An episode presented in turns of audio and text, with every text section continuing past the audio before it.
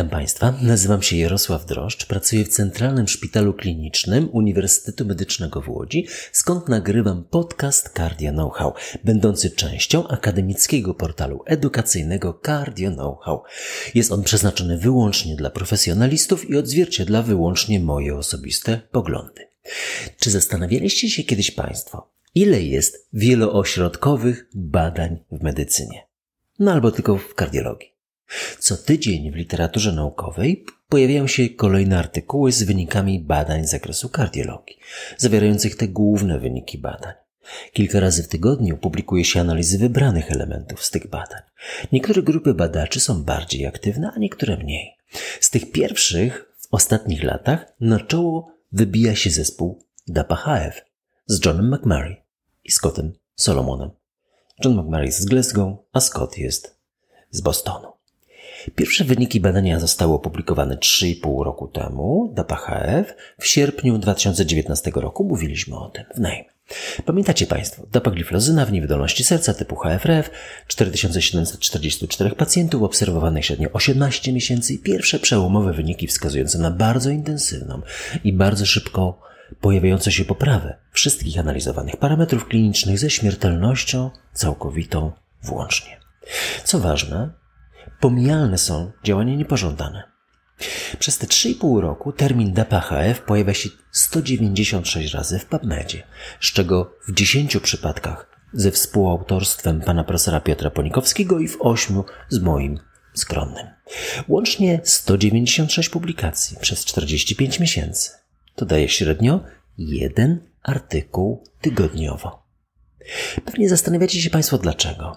Aby zbierać punkty ważne w akademickim życiu? Czy tylko?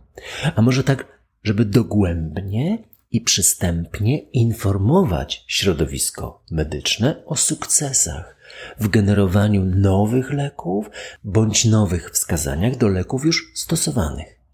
No bo to ostatnie opisuje doskonale DPHF nowe wskazanie dla leku stosowanego od pewnego czasu w diabetologii. Czy zawsze tak jest? Czy nasza społeczność jest na bieżąco i w wyczerpujący sposób informowana o wynikach badań wielośrodkowych? Spójrzmy na ich liczbę. Mamy około 350 tysięcy badań wymienionych na stronie clinicaltrials.gov. Z tej liczby 50 tysięcy dotyczy chorób serca. Pewnie większość doczekuje się publikacji, choć taki sukces, jaki obserwujemy w DAPA, stanowi rzadkość. Nawet nie wiem, czy nie mamy pierwszego miejsca w historii.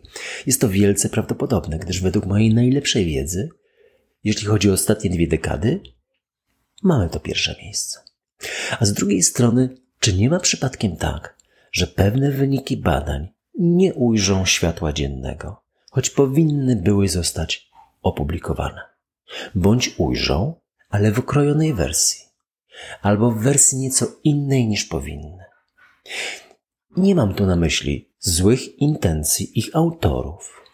Od zapomnienie, wersja nieco inna, inne priorytety, nadmiar badawczego entuzjazmu, no i miłość do wyniku badania, zaślepiająca pewne jego aspekty. Nieco wspominaliśmy o tym w epizodzie 109. American College of Cardiology, number one. Krytyczne spojrzenie na Clear Outcome Trial. Jaki jest wpływ kwasu bempediowego na śmiertelność w ciężkiej hipercholesterolemii? Żaden. Zero. A statyn? Choćby takiej najsłabszej. Simvastatyny. I to w małej dawce, 20 mg. Śmiertelność całkowita spada o 30%.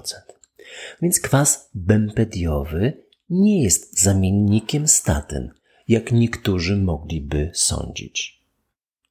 Ale badania kwasu bempediowego się toczą i poznamy niebawem ich długofalowe wyniki. Wróćmy zatem do zasadniczej kwestii. Czy nie ma przypadkiem tak, że pewne wyniki badań nie ujrzą światła dziennego, choć powinny były zostać opublikowane, bądź ujrzą, ale w okrojonej wersji, albo w wersji nieco innej niż powinny? I dokładnie temu zagadnieniu poświęcony jest projekt RIAT. Cztery litery. R-I-A-T. To skrót od Restoring Invisible and Abandoned Trials. Na stronie restoringtrials.org czytamy. RIOT to międzynarodowa inicjatywa mająca na celu wyeliminowanie uprzedzeń w sposobie zgłaszania badań w celu dostarczenia dokładniejszych informacji pacjentom i innym decydentom medycznym. Randomizowane badania kontrolowane są znane jako złoty standard medycyny w zakresie wiarygodnych dowodów. Jednak czasem nie spełniają one tego standardu w dużej mierze z powodu dwóch podstawowych problemów. Pierwszy to błędne zgłoszenie. Wiele publikowanych badań jest niedokładnych bądź niekompletnych, albo niewidoczność. Nie wszystkie przeprowadzone badania są publikowane. Kiedy badacze lub sponsorzy nie korygują błędnych raportów lub nawet nie opublikują całego badania, można uznać, że zrezygnowali z badania, a dalsze skutki mogą być znaczące, prowadząc do fałszywych wniosków na temat skuteczności i bezpieczeństwa interwencji medycznych. Inicjatywa RIOT ma na celu rozwiązanie tych problemów poprzez zaoferowanie metodologii, która umożliwia innym osobom odpowiedzialne korygowanie tych danych. I każdy może uzyskać dostęp do danych próbnych i udokumentować rezygnację z tych danych, poprawić nieprawidłowe zgłoszenie, bądź opublikować niepublikowaną wcześniej wersję wyników badań. To nowość, bo projekt RIOT powstał przed 10 laty, w roku 2013. Jest finansowany w 100% przez filantropów, miliarderów, Johna Arnolda i jego żony Laury. Przyświecał im cel poprawy życia Amerykanów poprzez edukację i rozpowszechnienie prawdziwych wyników, analiz i badań naukowych. Każdy i pan, i pani jest zapraszany do grona badaczy i może zanalizować dowolne badanie. Może ubiegać się o grant ukierunkowany na analizę i publikację tych wyników badań. Nie jest to łatwe. Dotychczas opublikowano wyniki ośmiu analiz i dalszych siedmiu jest w toku. Dominuje tu psychiatria, ale wśród tych wyników badań jest jedno z naszej dziedziny, z kardiologii. Trial Fourier. I o nim dzisiaj Państwu opowiem. W serii Triali Fourier analizowano wyniki działania jednego z dwóch dostępnych u nas inhibitorów PCSK9, Evolucumabu. Wspominałem wielokrotnie o inhibitorach PCSK9, tylko w tym roku ten termin pojawił się w transkrypcie podcastu dziesięciokrotnie. W roku, w roku ubiegłym trzydziestokrotnie. Na John Mandrola w tegorocznym styczniowym podcaście Medscape This Week in Cardiology podsumowuje wyniki badań Fourier następująco. Cytuję. Pierwszorzędowym punktem końcowym stanowiły zawał mięśnia sercowego, udar, hospitalizacja z powodu niestabilnej głowicy piersiowej bądź rewaskularyzacja wieńcowa lub zgon z przyczyn sercowo-naczyniowych. W badaniu Fourier ponad 27 tysięcy pacjentów z rozpoznaną chorobą sercowo-naczyniową i cholesterolem LDL powyżej 70 przyjmujących statyny zostało losowo przydzielonych do grupy otrzymującej evolocumab lub placebo. Badanie było zaplanowane na około 5 lat, ale zostało zakończone przedwcześnie z powodu obserwowanych korzyści miękkich po zaledwie 2,2 roku. No i w 2017 roku opublikowano wyniki badania Fourier w NAME Mark Sabatin, informując, że evolocumab po pierwsze obniżył stężenie LDL cholesterolu o 59% w porównaniu do grupy placebo. Po drugie, zmniejszył częstość występowania pierwszorzędowego, pierwszorzędowego złożonego punktu końcowego. Współczynnik ryzyka 0,85. 15% redukcja. Były jednak pewne ciekawostki dotyczące składowych złożonego punktu końcowego. Po pierwsze, zgony z przyczyn sercowo-naczyniowych i zgony ogółem były liczbowo wyższe w grupie otrzymującej evolucumab. Nieistotnie statystycznie, ale dziwne, że redukcja zawału mięśnia sercowego, udaru mózgu, rewaskularyzacji wieńcowej nie była wystarczająca do zmniejszenia śmiertelności z przyczyn sercowo-naczyniowej lub ogólnej. I po drugie, inną ciekawą rzeczą, nie niegodziwą, John Mendrola używa tu słowa nefarious, tylko ciekawą, było to, że zdecydowana większość zgonów z przyczyn sercowo-naczyniowych została wymieniona jako inne zgony z przyczyn sercowo-naczyniowych, a nie jako zgony z przyczyn sercowo-naczyniowych. Z powodu zawału serca bądź udaru mózgu, ale inne. No, zanim przyjrzymy się temu dokładniej, Spójrzmy na oryginalną publikację w NEI z roku 2017. Mark Sabatin NEI i suplement. Link do pracy i do suplementu jest w transkrypcie na Cardio Know-how. W podgrupach liczących ponad 13,5 tysiąca osób zmarło 426 w grupie placebo i 18 więcej, 444 w grupie Evolumabu. Zerknijmy jeszcze na publikację siedmioletnich wyników obserwacji, późniejszą, z pacjentów z badania Fourier, opublikowaną w roku ubiegłym. Wspominaliśmy o tym w epizodzie 90, omawiając wyniki prezentowane na SC22. Circulation, link jest w transkrypcie i suplement również. W podgrupach liczących ponad 3000 osób wystąpiło 770 zgonów. Wśród tych pierwotnie zrandomizowanych do grupy placebo oraz o 12 więcej 782 w grupie Evolumabu. Powtórzmy. 18 zgonów więcej w okresie dwóch lat i kolejnych 12 więcej już tylko w jednej czwartej tej populacji obserwowanych dalej w ciągu następnych pięciu latach. Łącznie 30 zgonów więcej. No i dokładnie temu przyjrzeli się autorzy badania opublikowanego w styczniu British Medical Journal.